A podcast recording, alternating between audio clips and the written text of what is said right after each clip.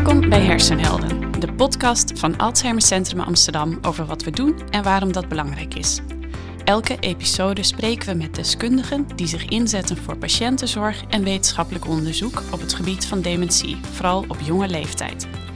Mijn naam is Jetske van der Schaar. Ik ben onderzoeker en daarnaast ook presentator van deze podcast. Wereldwijd hebben tientallen miljoenen mensen dementie. Maar de ene patiënt is de andere niet. Ook in ons veld komt er daarom steeds meer aandacht voor diversiteit. Maar wat is dat eigenlijk? Aan welke verschillen moeten we dan denken? En hoe beïnvloeden culturele, sociale of economische factoren de zorg voor patiënten en hun naasten? Daarover spreken we vandaag met twee bevlogen en veelzijdige gasten. Gerda Lenten-Havertong is een gevierde actrice, zangeres en presentatrice. Bij het grote publiek vooral bekend van Sesamstraat. Daarnaast is ze een prominente pleitbezorger als het gaat om dementie. De aandoening waar ze eerst haar dierbare moeder en later haar geliefde man aan verloor. Ze beschouwt het als haar levenswerk om de zorg voor patiënten te verbeteren. Daartoe startte ze een kenniscentrum, een daginvulling en een woonunit voor patiënten in Suriname. Tegenover haar zit Philip Scheltens, bekend geworden als neuroloog, hoogleraar en directeur van Alzheimer Centrum Amsterdam. Hij is een pionier in het onderzoek naar diagnostiek en een behandeling, zet de dementie maatschappelijk en politiek op de agenda en wordt beschouwd als een van de meest invloedrijke Alzheimer-experts, zowel in binnen- als buitenland. Sinds een paar jaar is hij hoofd van een investeringsfonds voor nieuwe behandelingen voor dementie. Gerda en Philip, welkom in de show. Dank. Ja, dank. Jullie hebben je allebei al een leven lang uh, ingezet voor dementie, vanuit allebei een hele andere achtergrond. Uh, Gerda, als we beginnen bij jou. Jij bent uh, geboren en getogen, zoals ze dat zo mooi zeggen, in Suriname. hoe kwam jij voor het eerst in aanraking met dementie? Wat zijn oh, jouw eerste ervaringen? dat gaat heel ver weg. En uh, toen kende ik het woord uh, dementie niet en het woord Alzheimer niet. Ik was tien en in de straat woonde een mevrouw, een woonwijk van heel veel kinderen. En dan verschillende soorten. Uh, zo ongeveer het aantal aan, aan bevolkingsgroepen wat wij tellen in Suriname. En dat is nogal wat, 18 heb ik, heb ik de indruk. Maar ik woonde in zo'n omgeving. Um, en dat, uh, dat moet je zien als een, een trappetje dat gaat van uh, laag arbeidsklasse tot die middengroep, die middenlaag. Maar dat alles speelde met elkaar. En op een goed moment was daar een mevrouw uh, die dementeerde. En in Suriname spreken we van Kinsi. Oma Conea e Kinsi. Nou, als oma Cornelia buiten was, en dat was dan iedere dag dagelijks, als wij daar aan het spelen waren, dan liep ze die straat heen en weer en eindigde dan op de hoek en dan kon ze zo op de grote weg. En uh, de buren die hebben toen besloten van wij zullen ervoor zorgen dat die kinderen opletten. En uh, het kwam op het uh, achteraf bekeken bijzonder goed idee om elk kind uh, twee dagen te geven. Dus bijvoorbeeld donderdag, ik weet niet meer wat voor dag ik had, maar uh, uh, Carlo die, of wat je maar noemt, die dag, dinsdag, woonde de hele week. Dus jij was eigenlijk nou ja. niet, een, niet een babysitter, maar een oma-sitter.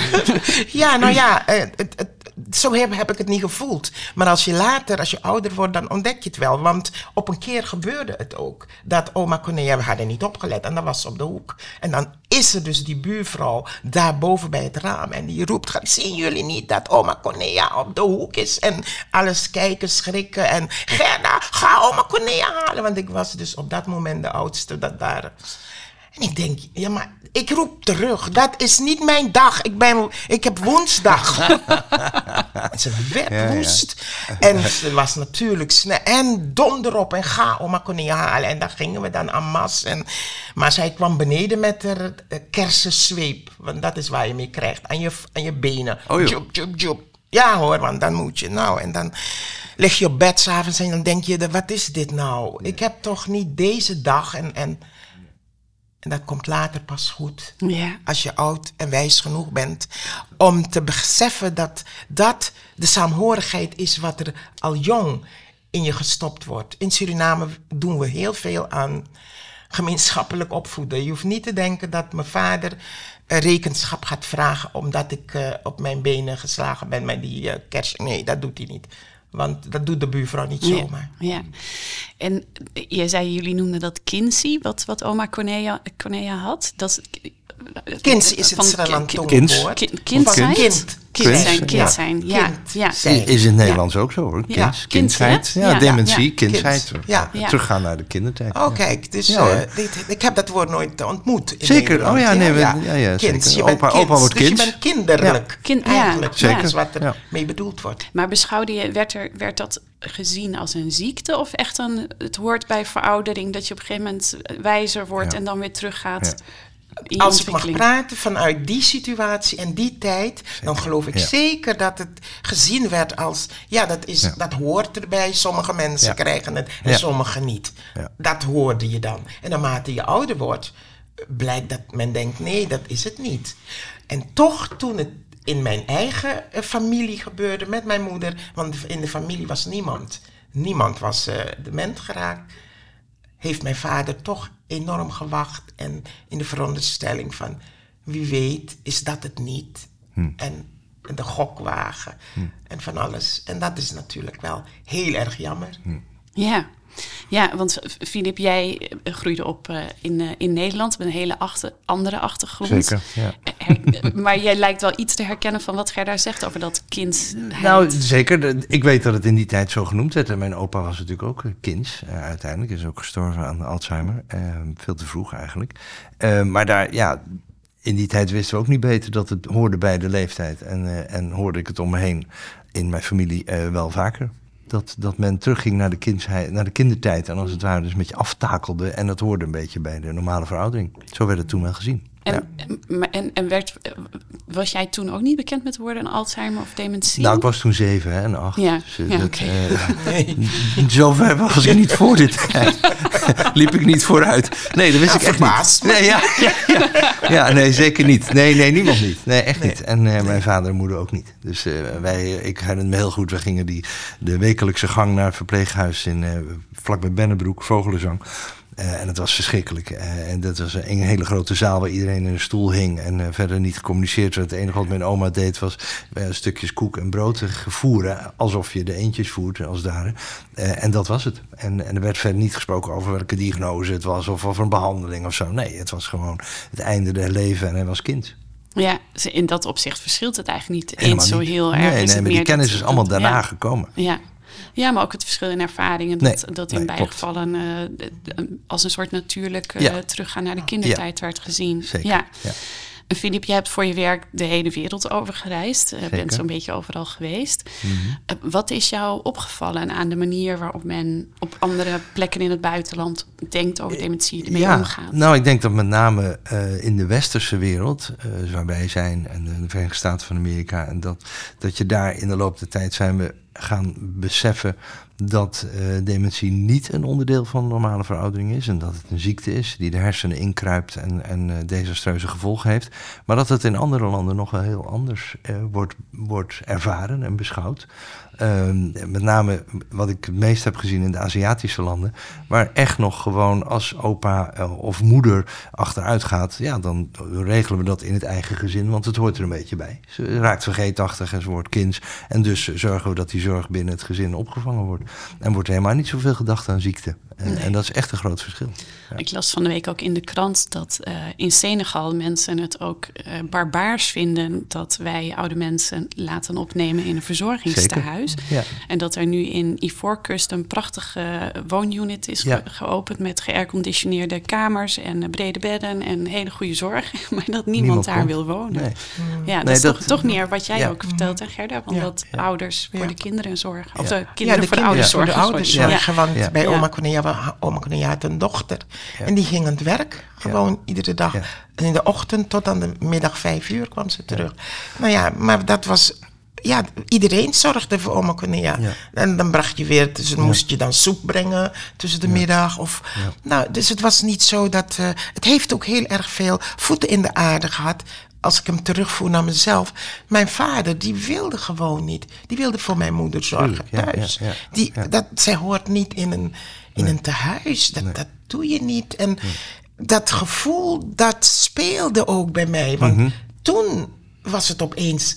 Ik woonde hier en ik wist hoe belangrijk het was. En Ja. dat, ja, dan krijg je, moet je zien dat je je vader zover krijgt. Ja. En, want hij weet niet precies of het nou daadwerkelijk dementie is. En dan halen we mijn moeder hier naartoe. En hier is dus echt de, de, de diagnose gesteld dat mijn moeder dus Ja. eh, aan dementie lijdt. En dan laten we mijn vader weten van kom jij nou maar hier. En dan is hij radeloos en dan zegt hij als jullie je moeder daar houden dan hebben jullie mijn dood op je geweten. Nou, niemand wil Heftig, dat. nee. Ja, Nee. dat is... Maar om even het bruggetje Ja. naar nu te maken, is inderdaad wat je in mijn ervaring van de afgelopen 30 jaar, als je dan mensen, vind ik van Turkse, Marokkaanse afkomst, eh, ook wel andere bevolkingsgroepen die hier in Nederland eh, wonen, dat zij ook primair, als dan de diagnose werd gesteld bij vader of moeder, altijd de eerste reactie was: oké, dan ga ik voor ze zorgen. En dan zeg ik mijn baan op en dan eh, zorg ik dat. Ja. eh, want ze hebben voor mij gezorgd, dus ga ik ook Ja. voor hen zorgen. Ja. Die, die, dus dat zit er, Ja. ook of ze nou in Nederland wonen, maar het zit Ja. er heel diep in. Ja. Wat wij in Nederland eerst gewend zijn. Ik moet er niet aan denken dat ik ooit mijn moeder in huis zou hebben genomen om er zelf voor te zorgen. Maar dat, dat komt bij ons niet op, maar bij die eh, andere bevolkingsgroepen wel. En dat Ja. zit er gewoon heel diep in. Dat is die culturele vorming. ja. Want Ja. ik heb mijn echtgenoot... Op geen moment heb ik gedacht dat hij ergens naartoe gaat. Hij gaat nergens naartoe. Ik ga minder werken. Ik ga... Want ik wil hem gewoon thuis houden. Ja. Ja. Die omgeving. Ja, goed Zo, maar Ja. zo- als jullie het zo vertellen, klinkt het eigenlijk ook wel gewoon heel mooi. Hè? Die diversiteit, verschillende manieren waarop we ermee omgaan. Eh, maar waarom kan het dan ook tot uitdagingen leiden? Jij had het net al even eh, over eh, wanneer mensen met een migratieachtergrond Ja. hier naar de poli komen. Ja.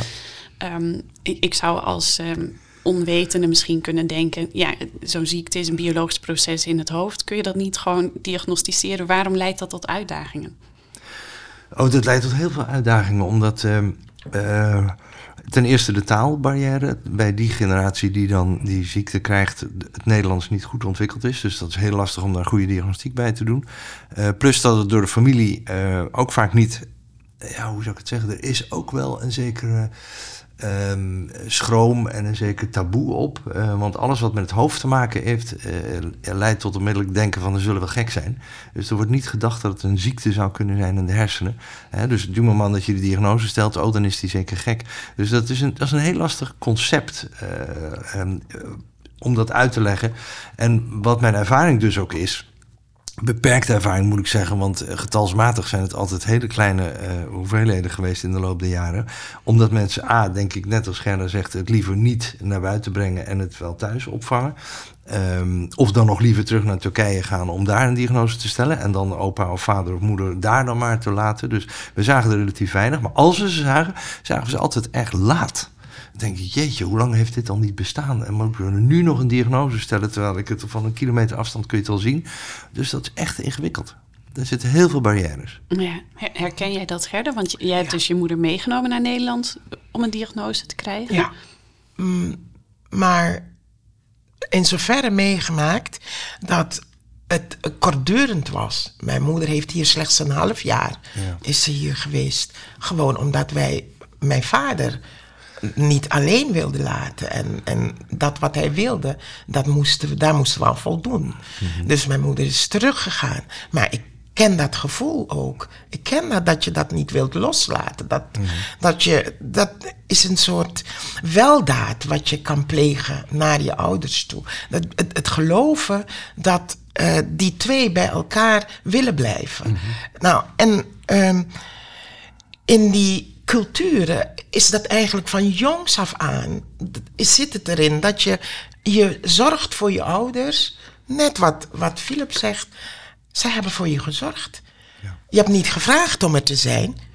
Dan lopen we achter de Nederlanders aan om te zeggen. we hebben niet gevraagd om er te zijn. Maar we weten wel dat als, als we er waren, dan ben je opgevangen en dan wordt dat in de juiste banen geleid. Dus eh, het, het wordt niet anders van je verwacht. Nee. En daar moet je je voor inzetten. En ik denk persoonlijk, ehm,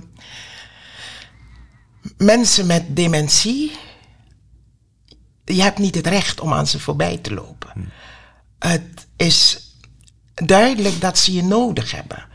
Je bent het jezelf verplicht in die samenleving. Dat wat wij nu hier doen, we communiceren met elkaar, we praten. Omdat we met elkaar van gedachten kunnen wisselen, omdat het daarboven in orde is. Hoe kom je erbij om een ander te laten staan bij wie dat Niet zo is. Ja. dat gaat niet, dat mag niet. En Maar- toch is het... Wenselijk is. Nou ja, dus, dat klopt helemaal. Maar het gevolg van, van deze barrières en het gevolg van. Dus wat Gerda vertelt, ze is dus maar een half jaar in Nederland geweest. Dus dat betekent ook dat ze heel laat eigenlijk pas zorg hebben gezocht. En heel laat pas een diagnose is gesteld. Dus dat is precies wat ik ook heb ervaren. Maar het gevolg daarvan is, is dat we dus eigenlijk in het wetenschappelijk onderzoek, om dat bruggetje maar even te maken, zowel op diagnostisch gebied als op therapeutisch gebied. 99,9% gaat over, over westerse bevolking. Want Ja. de mensen die er niet toe behoren, die doen niet mee. Ja. En die komen niet en die doen niet mee. Dus kunnen we er ook heel weinig over zeggen. En dat maakt het zo ingewikkeld eh, dat we van die bevolkingsgroepen ehm, het gewoon te weinig weten. We weten niet hoe, ehm, hoe de biomarkers, waar we nu allemaal zo ontzettend veel vertrouwen in hebben, daar we- weten we heel veel van, maar alleen uitgetest op een westerse, eh Caucasische bevolking, zoals dat heet. En niet, we weten helemaal niet hoe dat gaat. Ik weet helemaal niet, als ik bij Gerda zo, zeg maar, bloedonderzoek zou doen, of die waarden die we dan vinden dezelfde betekenis hebben als dat het bij mij zou zijn. En dat is gewoon zonde. En daar moeten we dus, en dat is een beetje waar we nu in leven. Dus tegenwoordig moet je bij alle onderzoeksaanvragen, bij alle studies ook, wordt er meteen gezegd: ja, hoe zit het met de diversiteit? Hoe zit het met het percentage eh, niet-westerse mensen van Spaanse afkomst, eh, Aziatische afkomst, noem maar op. Eh, dus daar moeten we voor zorgen. Ja, want, Wat, want wat betekent dit voor nieuwe medicijnen die nu ontwikkeld Ja, worden? nou, dat is een heel goed punt. Dus de nieuwe medicijnen worden ontwikkeld, zijn ontwikkeld. De eerste is goedgekeurd in Amerika. Maar de resultaten zijn gebaseerd op een, op een, op een witte bevolking. Witte samenleving. Ja. Ja. Ja. Dus we weten het niet of de mensen die niet wit zijn, of die eh, de eerste die behandeld wordt, eh, misschien wel eh, bijwerkingen krijgt die we niet hadden gezien in die populatie die onderzocht is. Dus dat is echt een probleem. Ja. En dat is zeker jammer, want het is eigenlijk geen wetenschap wat onbekend is. Het is een wetenschap wat al veel langer bekend is. Maar er is niet naartoe gewerkt, want dat was niet van belang. Omdat te want we hebben toch allemaal hetzelfde rode bloed. Ja, Nee. ja maar dat is ja, ook niet zo. Maar dat is dus niet zo. Ja. Ja. Nee, want we verschillen echt. Nee, er zijn gewoon hele grote verschillen. Dus we liepen net op de gang nog even onze geneticus Henne Hols tegen, tegen het lijf. En je ziet dus ook eh, mensen van verschillende rassen. En verschillen dus ook qua genetica van elkaar, qua genetische basis. En dus. Eh, kun je wat je vindt in de westerse bevolking qua genetische eh, risicofactoren bijvoorbeeld, is niet automatisch vertaalbaar naar een niet-westerse bevolking. En dat is een probleem. We hebben het nu vooral over eh, culturele verschillen en verschillen in taal. Als het over diversiteit gaat, kan soms ook het idee ontstaan dat het gaat over de kleur of het geloof of de taal van iemand anders. Dat het altijd gaat over de ander en niet zozeer over onszelf. Eh, maar er zijn ook andere aspecten van diversiteit waar we eh, allemaal mee te maken hebben. En dat is iets waar jullie je ook allebei voor inzetten, namelijk de positie van vrouwen. Ehm, want als we kijken naar iets primairs als, als eh, gender of geslacht, dan, dan is er ook onderscheid. Hè? Als je bijvoorbeeld kijkt naar eh, de, de belasting van mantelzorg, hoe die verschilt tussen mannen en vrouwen. Eh, Hebben jullie daar ervaring mee? Ja, op afstand. Want eh, ehm, die ervaring, ik ben gewoon vrouw en ik heb gezorgd voor mijn echtgenoot. En ik ga er gewoon van uit, als, het, als ik het was, had die voor mij gezorgd. Dus ehm, die vorm eh, pak ik niet als zodanig. Ik weet dat het wenselijk is. Het is absoluut wenselijk dat we ehm, eigenlijk niet bekijken of het, of het gaat om, om een man of om een vrouw. Maar dat je weet dat we met z'n allen, als je, als je in huis bent met iemand die dementeert, dan moet het er niet toe uitmaken of het om een man gaat of een vrouw. Want we gaan allemaal poepen, we gaan plassen, allemaal. Al die dingen Het doen moet niet we. en toch hè? is het wel zo. En toch is het zo. Dit is zeer jammer. Het is heel erg jammer. Maar ik, ehm, het, het geeft mij wel eh, een zekere kracht dat ik never nooit kijk naar, ja, is het een man of een vrouw? Ik ben verdrietig als iemand dementeert. Dan eh, pas ik dat toe waarvan ik vind wa- waardoor ik ermee kan communiceren. Want dat maakt ons tot die mensen die we zijn. Omdat we absoluut in elkaars ogen kunnen kijken en het verhaal aan elkaar kunnen vertellen. En eh, als je dat, als je, dat is een basiscode om met dementie om te gaan.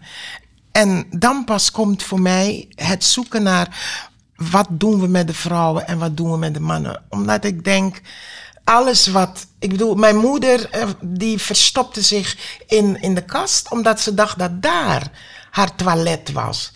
en mijn echtgenoot kon het toilet niet vinden in huis. Het toilet waar hij dus jaren. Dat, Ik bedoel, weet je, het, is, het doet pijn als we ons heel erg willen richten op wat doen mannen en wat doen vrouwen. Nee, wat doen mensen? Wat doen we met mensen met dementie? Ja. Maar de realiteit is helaas al mm. nog niet zo. Uh, jij mm. zegt het zelf, jij zorgt voor je man. En je mm. gaat ervan uit dat, dat hij ook voor jou gezorgd had. Dat, dat is een aanname die niet automatisch uh, zo is. Als ik kijk naar wat ik heb meegemaakt, als je echtparen zag als de man dementeerde, dan werd de verzorgd door de vrouw heel lang gedaan. En andersom is dat gewoon toch minder goed. Heel veel mannen kunnen dat niet, willen dat niet, weet ik niet, willen het misschien wel, maar kunnen het niet. En dus het gevolg daarvan is, is dat de verpleeghuisbevolking in Nederland voor 70% uit vrouwen bestaat. Ja. En niet uit mannen. En dat komt omdat mannen langer thuis kunnen wonen, door, verzorgd door een vrouw en niet andersom. Ja. dus dat is echt, vind ik nog steeds. Uh, weet ik, en mijn generatie en de generatie daarna is al veel meer gewend om die, die, die verschillen tussen man en vrouw zijn heel weg. Je zorgt samen voor de kinderen en je hebt vaderschapsverlof en zo. Dus ik, in de toekomst zal het wel veranderen. Met de generatie, generatie van nu, die nu die leeftijd van 70, 80 heeft bereikt, die zit nog niet zo in die race. Ja. Maar ook de ziekte zelf maakt onderscheid tussen mannen en vrouwen. Ja, hè? zeker, zeker. Even een technisch detail. Uh, dat, er zijn verschillende risico's voor mannen en vrouwen bij mhm. verschillende vormen van dementie. Dat klopt. Mhm. Eh, dus als we even de leeftijd buiten beschouwing laten, want vrouwen worden nu eenmaal ouder dan mannen, dan zie je dat uh, tot aan de menopauze vrouwen relatief beschermd zijn tegen vormen van ziekte, met name Alzheimer, door de vrouwelijke hormonen. En du moment dat de menopauze intreedt, wordt het risico gelijk getrokken. Uh, zijn mannen en vrouwen gelijk. Dus relatief gezien zijn er meer, uh, meer mannen inderdaad die de ziekte krijgen, omdat vrouwen relatief beschermd zijn. En pas hmm. later wordt het ingehaald omdat ze langer leven. En uh, uiteindelijk zie je dus daardoor dat, er, dat het risico, het levensrisico van vrouwen is groter op dementie dan voor mannen, omdat ze langer leven. Ja. ja, komt dat, want er wordt dan gezegd bij uh, mannen uh, is de kans 1 op 7, bij vrouwen 1 op 3. Komt dat verschil vooral dan door leeftijd, zeg Het komt voornamelijk door leeftijd en omdat, ja. en omdat mannen eerder overlijden, dus aan andere mm. dingen. Ja. ja. Mm. Dus het risico op dementie, SEC, uh, heeft echt te maken met het feit dat ze langer leven en dat ze minder doodgaan aan andere ziektes. Mm. Heb ik ook begrepen dat de verschillen van de soorten dementie ook wel verschilt bij welke vormen de vrouwen last van hebben en de mannen. Ja, dat is, dat, is, dat is niet heel goed uitgezocht, maar de indruk bestaat dat bijvoorbeeld een uh, dementie met Lewy-lichaampjes, DLB, dat dat vaker bij mannen voorkomt. En dat frontotemporale dementie ook in bepaalde vormen, althans ook meer bij mannen voorkomt dan bij vrouwen. Ja, ja klopt. En dat weten we gewoon nog allemaal niet precies hoe dat zit. En, en eh, het, is heel logisch om er aan te denken dat daar genetica een grote rol speelt. Uh, maar precies weten we het niet. Ja. ja. Gerda, wat ik ongelooflijk aan jou bewonder, is dat jij het tot je levensdoel verheven hebt om de zorg voor mensen met dementie in Suriname te verbeteren. En ik was benieuwd, wat was voor jou de concrete aanleiding om dat, om dat doel zo op jouw vizier te zetten? Het is me eigenlijk overkomen. Het verdriet dat ik mijn moeder kwijt was, was zo groot. Ze was nog zo jong. Ik had nooit en te nimmer bedacht dat 65 was ze toen het zich aandiende. Dus ja, en wij wisten het niet. Mijn vader had het voor zich gehouden. Twee jaar later pas, dus ze was 67 toen het bij ons bekend werd.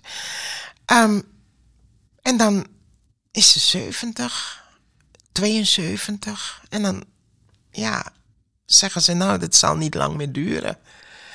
Vertelden ze ons hier. En dan was het echt zover, 72, was ik er kwijt. En het was, ja, het was een wrange pijn wat dat deed.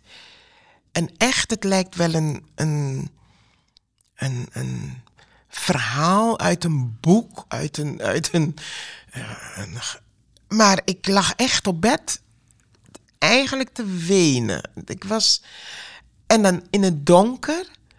En er ging echt zo'n flitslicht door de kamer. En dat kan niet bij ons. Dat, dat, dat kan niet, omdat we niet aan een straat wonen. Dat, kan niet. Dus het was echt heel gek. Dat je dan denkt, hé, wat is dit? Gek genoeg. Opeens wist ik wat ik doen moest. Ik moest mensen helpen met dementie in Suriname. Echt. Ik heb me op mijn zij gekeerd. Ik denk na een uurtje en ik heb geslapen tot de volgende ochtend. En dat gevoel is altijd gebleven. Dat ik haast heb voor mensen met dementie. Want, want hoe was, want je bent daar een jaar of 24, 25 geleden mee begonnen. Ja, hoe was het? Precies, nou, drie, uh, om precies te zijn 24, want uh, uh, het was millennium. Oh ja, 99. Mijn, ja. mijn moeder overleed in juni. Want hoe was de zorg op dat moment in Suriname? Dat weet ik niet, want mijn moeder, die, dat ik Suriname zou gaan helpen, heeft te maken met het feit dat uh, toen mijn moeder daar opgenomen. Toen mijn, want kijk, het verhaal is namelijk, ik ben, mijn moeder hebben wij teruggestuurd naar Suriname. Nadat ze hier, ge, hoe zeg je dat? Gediagnosticeerd. Gediagno gediagnosticeerd was, dat voor Alzheimer, dat dat aan de hand was met haar. En wij dachten, laat mijn vader ook maar hier komen wonen. En mijn vader die had daar niet de behoefte toe. Die uh, voelde dat niet zo. Die wilde thuis in Suriname voor haar zorgen. Nou, en dan laat je dat toe. Dan ga je naar Suriname. En we gaan kijken waar we haar gaan plaatsen. En dan komt ze in een, in een tehuis. We zien dat en we denken, nou, dat is het. Want papa kan het niet meer. Nu heeft hij het nog eens twee jaar erbij gedaan. Het kan niet meer, dus het moet nu anders. Kijk, en dan is het zover dat je die keuze maakt. Van, ik heb gezien hoe dat eraan toe gaat. En een, klein tipje van, van de sluier oplichten. Het was een, een huis, een zorgcentrum waarvan het in Suriname werd opgehemeld. Dat is het. wij dachten, het is het beste. We zijn gaan kijken. We mochten de, haar kamer in orde maken. Dat hebben we gedaan. Nou ja, en dan blijkt uiteindelijk, um, als ze daar woont en mijn vader haar dagelijks bezoekt, dat het ongekend is dat van alles opgenomen wordt in het huis. Mensen met uh, Parkinson, mensen met alle, allerlei ziektes liepen daar rond. En dat was zo triest dat mijn moeder daar, mijn vader kwam, ze was niet op haar kamer. Het was, Niemand wist waar ze was en dan was ze buiten aan het lopen. Ach, het was niet fraai. Het was totaal niet fraai. Het was, uh, nou, zo verwachtte je het niet in Suriname in een, uh, in een centrum. Maar tegelijkertijd weet je dat in Suriname men gaat er voor thuis, thuis zorgen voor. Nou ja, kijk, en dan ontstaat gewoon die situatie, als je dat gezien hebt, dat dit met zoveel anderen, er waren er denk ik nog tien andere mensen die ook dementeerden in een. Ach, het was niet fraai. Dan dacht je van nee, mensen met dementie, die moeten een eigen plek hebben. Geen, ze moeten niet verstoord worden door een ander die op een andere manier aandacht nodig heeft. Nou ja, en uh, ja, toen zich bij mij dat openbaarde die nacht, toen wist ik wat ik doen moest. Ja. Ik ga in Suriname een centrum bouwen voor mensen met dementie. Alleen voor die mensen. Ja, maar Gerda, dat is nogal een grote ambitie. En je bent, eh, eh, voor zover ik jou ken, ongelooflijk veelzijdig en getalenteerd. Je bent actrice, je bent presentatrice, je kan zingen. Uh, wat kun je niet? Maar hoe pak je het aan om om dan een zorgcentrum voor mensen met dementie uit grond te stampen in Suriname? Nou, precies uit de grond stampen, dan doe je het snel. Weet je wel? Dat was ook in mijn hoofd. Precies, ik ga het uit de grond stampen, ik doe het wel. Ik ben toch Gerda Haverton? Ik ga dat doen. Stichting moet ik sowieso oprichten. Nou ja, en dan uh, heb je een stichting opgericht en je hebt ze allemaal verteld en iedereen vraagt. En, en hoe lang denk je dat het gaat duren? Wat denk je dat Gerda zegt? Nou, ik denk een maand of drie tot een half jaar. En dat meende ik. Ik dacht, dat ga, ik ga dat geld ophalen. Ik ben naar de bijenkorf gegaan, echt. 99. Tot nu toe vragen ze me nog of ik uh, met kerst in de hoeketalage wil gaan zitten. Want dat heb ik gedaan. Ik ben naar de bijenkorf gegaan en ik heb ze verteld: ik wil zoiets doen. Kijk, dit is het. Want dat al die papieren, alles was getekend. Ik heb, ik heb van alles gedaan in een korte tijd. Want ik zou daar gaan zitten en we zouden dat geld ophalen. Ja, naïef hè? Maar ik dacht, dat gaat, uh, dat gaat me lukken. Nou ja, en dan, uh, dan ontdek je dat het anders is. Maar het, het betekende niet. Toen bleek aan het eind van de avond, want bijna alle artiesten zijn me komen helpen om die 24, 25 uur en een kwartier heb ik gedaan. Kerst, uh, en ik denk 21 of 22 december in de hoeketalage van de Bijenkorf. Daar zat ik te vertellen, voor te lezen, te zingen. Hele nacht. Om geld in te zamelen. Om geld in te zamelen. En er kwam, kwamen mensen, het was vol, het was druk. Ik denk dat geld komt er. Maar dat was het dus niet. het was het niet. Het was, was nauwelijks uh, iets. Uh, huh? Dus het was. Oh, dus het was heel het, Hollands. Het, wel kijken, niet. Uh. kijken, kijken, niet betalen. ja. Niet kopen. Maar um, ik was niet teleurgesteld. Het was alsof het iets in mij had losgemaakt. Van, oh, dat, dat gaat zo niet. Want ik meende dat ik dacht dat het een half jaar, eh, drie maanden tot een half jaar zou duren. Met, want er moet gebouwd worden en ze zijn langzaam in Suriname. Weet je, dus het zou lukken. Maar goed, als je blijkt dat het niet lukt en je hebt al die fijne mensen om je heen verzameld, die die hele nacht daar, wij hadden bijenkorf voor ons. Dat heeft nog niemand gehad. Zomaar dat je in de bijenkorf mocht gaan bivakeren. 24 uur. Nou, en uh, nadat we dat gedaan hadden, toen was het uh, oké. En dan begint het. Want uh, het betekent dat je in Suriname grond moet krijgen. Nou, dat heeft dus pakweg twee of drie jaar geduurd voordat we grond hadden. We hadden, we al een deel van het geld en we hadden geen grond. En uh, we kregen grond na 2005 zijn we gestart met uh, een dagopvang. Dat uh, mensen, kind, uh, mensen, ehm, mensen met dementie mochten brengen. En dat deden we in een, in een mithielschool. En we hadden een coördinator. We hadden, we hadden mensen die zich helemaal hingen aan dat project en het verhaal vertrouwden wat we hadden om het te doen. En die startten met ons. Wij over zee. Ik, ik had uh, ja, een bestuur in Suriname en een bestuur hier. Nou ja, omdat het wilde niet lukken met het bestuur in Suriname. Dus ik ben drie keer naar Suriname afgereisd om mijn bestuur te bedanken. En te zeggen, ik ga met andere mensen proberen. Nou ja, en uiteindelijk vind je mensen. De mensen die er nu zitten, die zitten er 19 jaar. En het gaat geweldig. En we hebben, uh, want het verhaal is lang hoor. Het is een, het is een podcastverhaal waard. maar uh, we hebben inmiddels, en uh, dat was 2014, 2005 hebben, zijn we begonnen met de dagopvang dat mensen konden komen en uh, die werden opgevangen. We hebben cursussen gegeven. Er zijn mensen uit Nederland gekomen, verpleegkundigen die zich hebben aangemeld. Stagiaires die wilden naar Suriname. Sommige mensen hebben gewoon zelf hun tickets betaald en zijn gegaan. En wij zorgden ervoor dat ze daar konden eten en drinken en leven.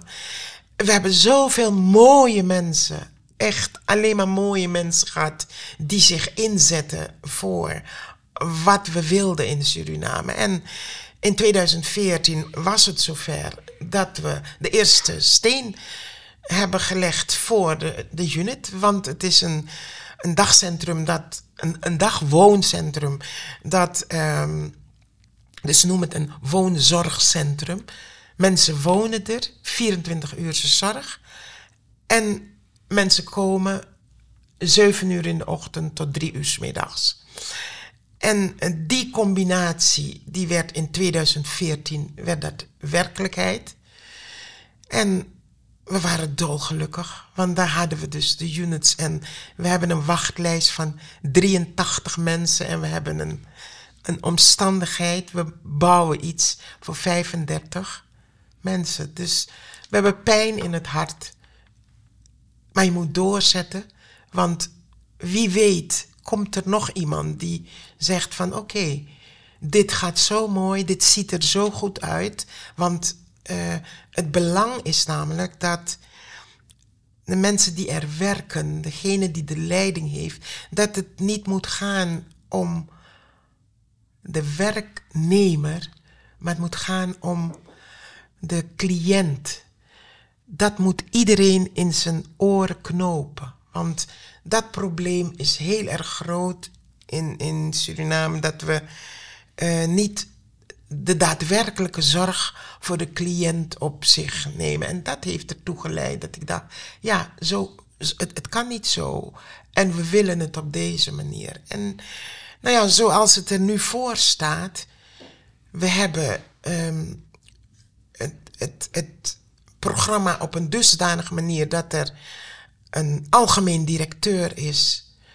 En als we zo dadelijk die twee andere units hebben, dan is er dus echt een algemeen directeur voor de totaliteit en een zorgdirecteur. Dus die verdeling, daar staan we op dat dat gebeurt, zodat het dicht bij de mensen blijven. Dat je dicht bij iemand die dementeert, die ademhaalt, maar zelf niet meer oplet dat dat gebeurt, omdat dat niet van belang is. Doet andere dingen dan wij eigenlijk verwachten. En uh, we mogen niet meer in staat zijn om te twijfelen aan wat je ziet dat die ander niet kan. Het moet wenselijk zijn dat je die hulp vanuit jezelf wilt bieden. En ook omdat je uh, verzorger bent of omdat je mantelzorger bent. Dus in die zin heb je eigenlijk ook een cultuurverandering bewerkstelligd. Van... Een klein groepje mensen. Ja, goed, maar daar moet je beginnen. ja, precies. Dat, dat uh, ook de omslag wordt gemaakt naar patiënt- of cliëntgerichte zorg, zoals jij dat uh, zoals jij dat Ja, dat is wat, ja. Uh, maar dat is wat we allemaal moeten wensen. We moeten er zijn voor, de, voor, een, voor een cliënt.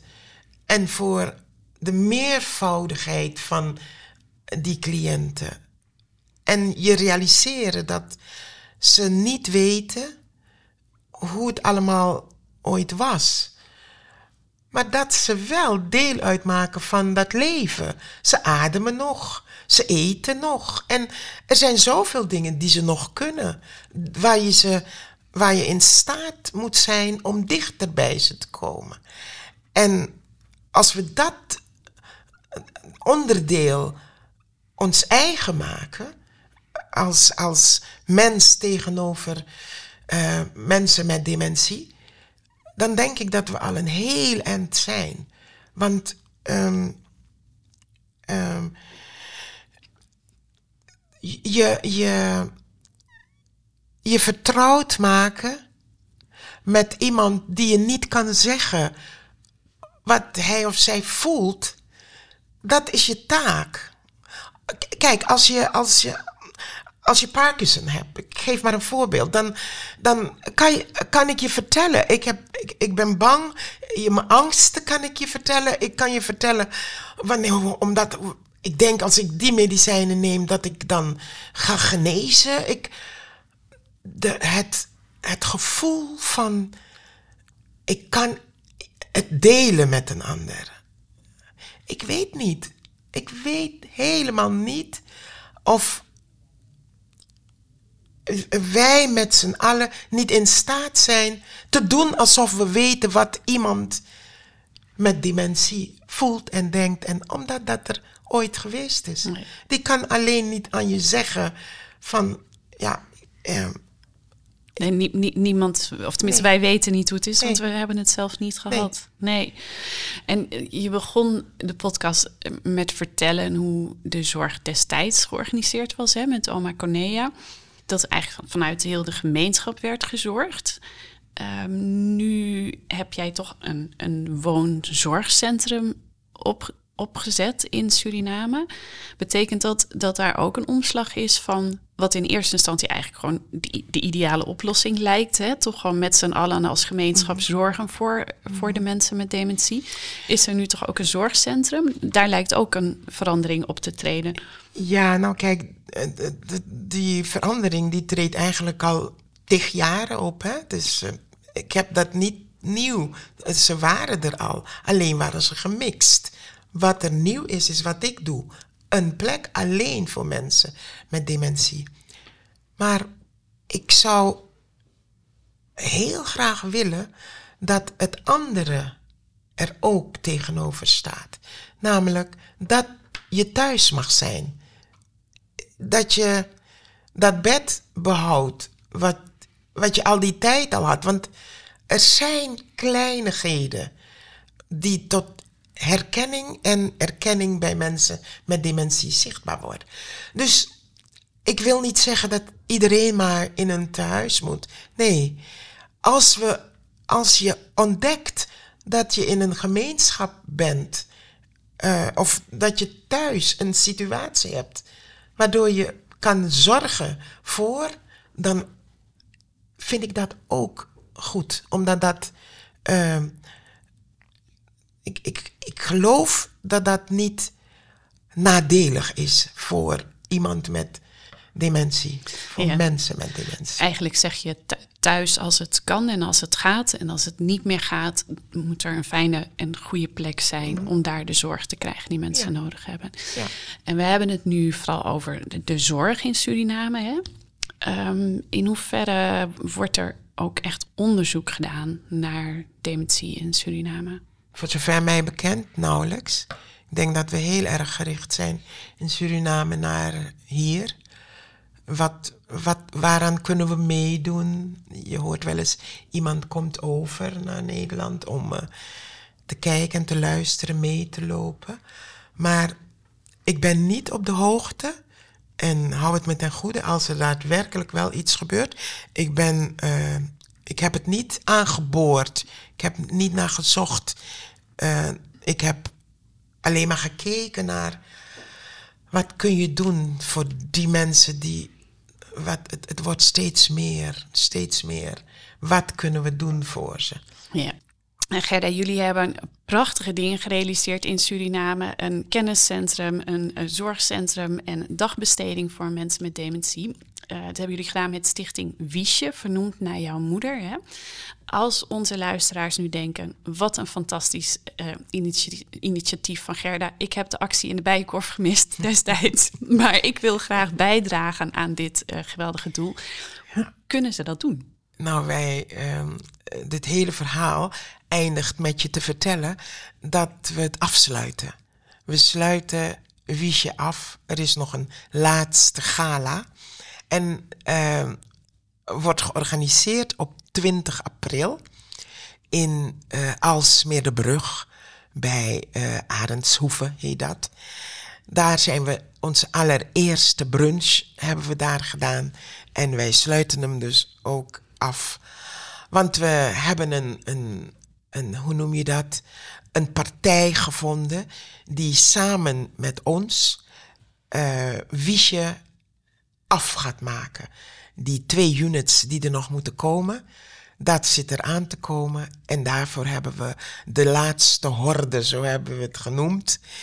Ehm, en daarmee sluiten we dan echt in Nederland de post Stichting Wiesje af. En gaat het in Suriname verder.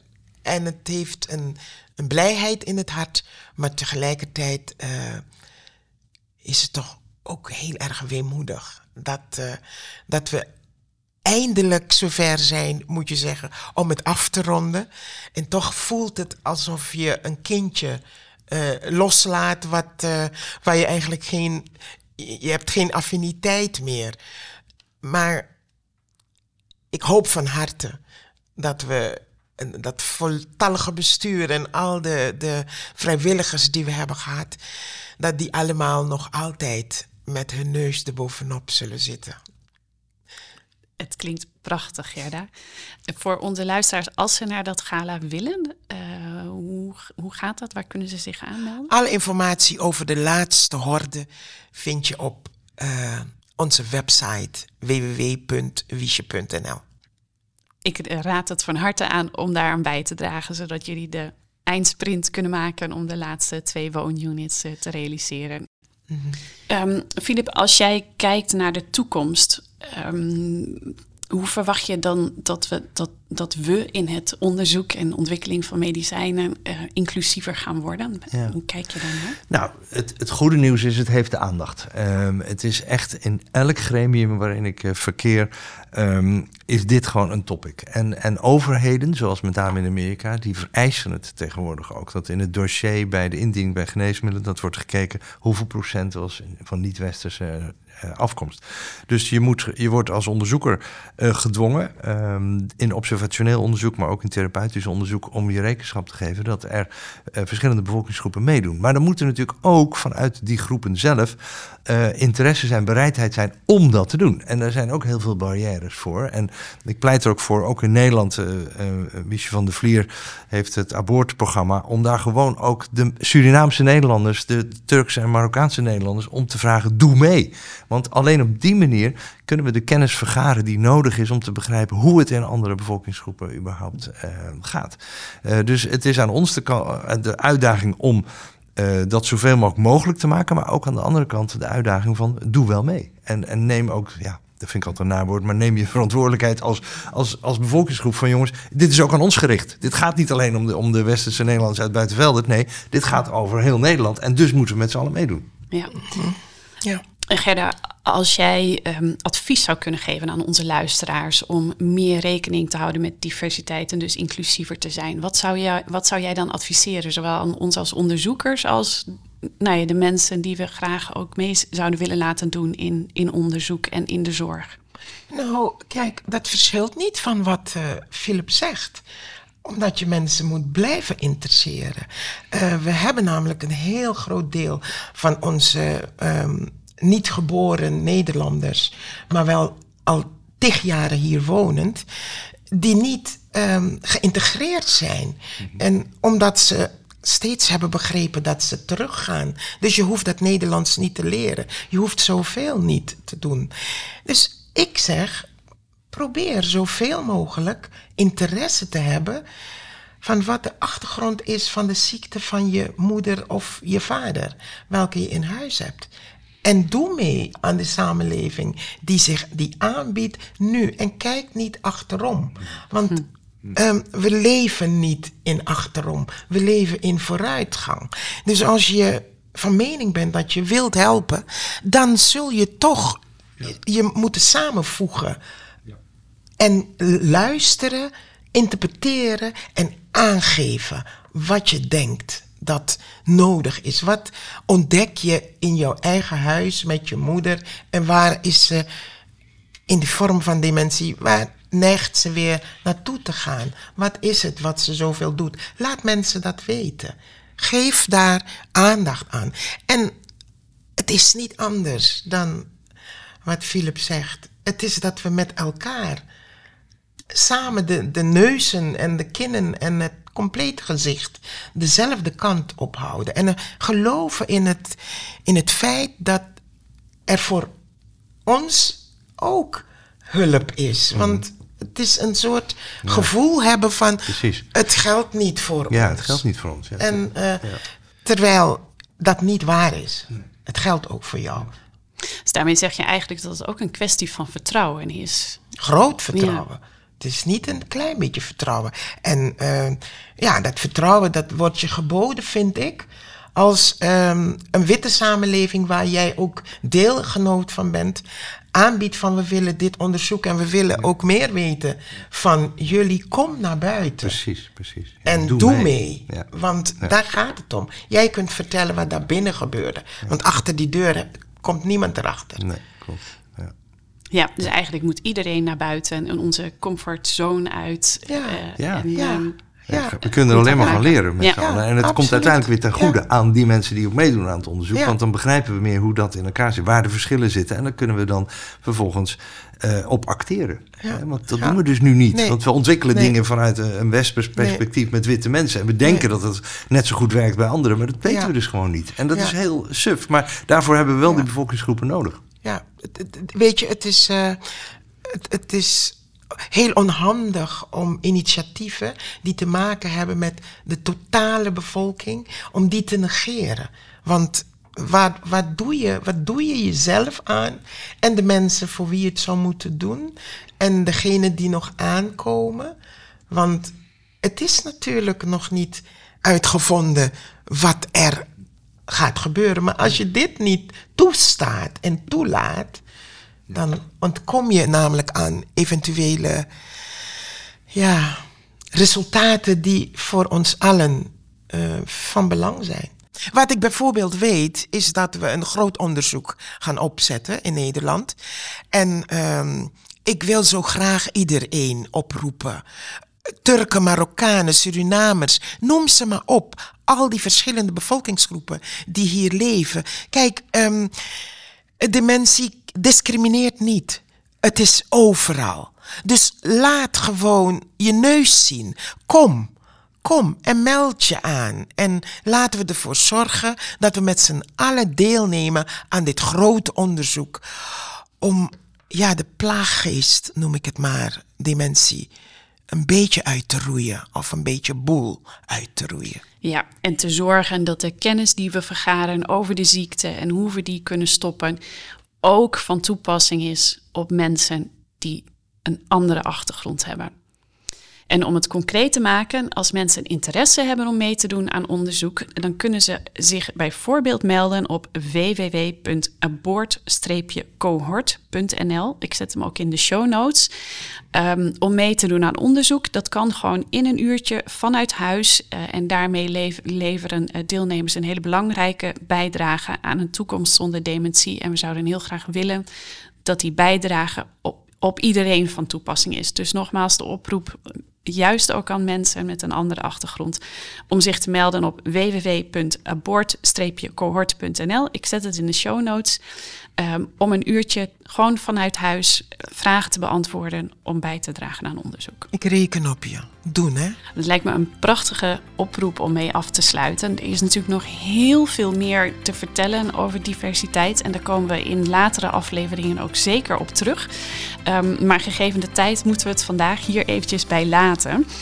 Uh, Scherda en Filip, ik wil jullie allebei ongelooflijk bedanken uh, dat jullie uh, in jullie drukke schema en alle aandacht die ook naar andere belangrijke zaken gaat, tijd hebben gemaakt om um, ja, hier met ons een tipje van de sluier op te lichten als het gaat om diversiteit.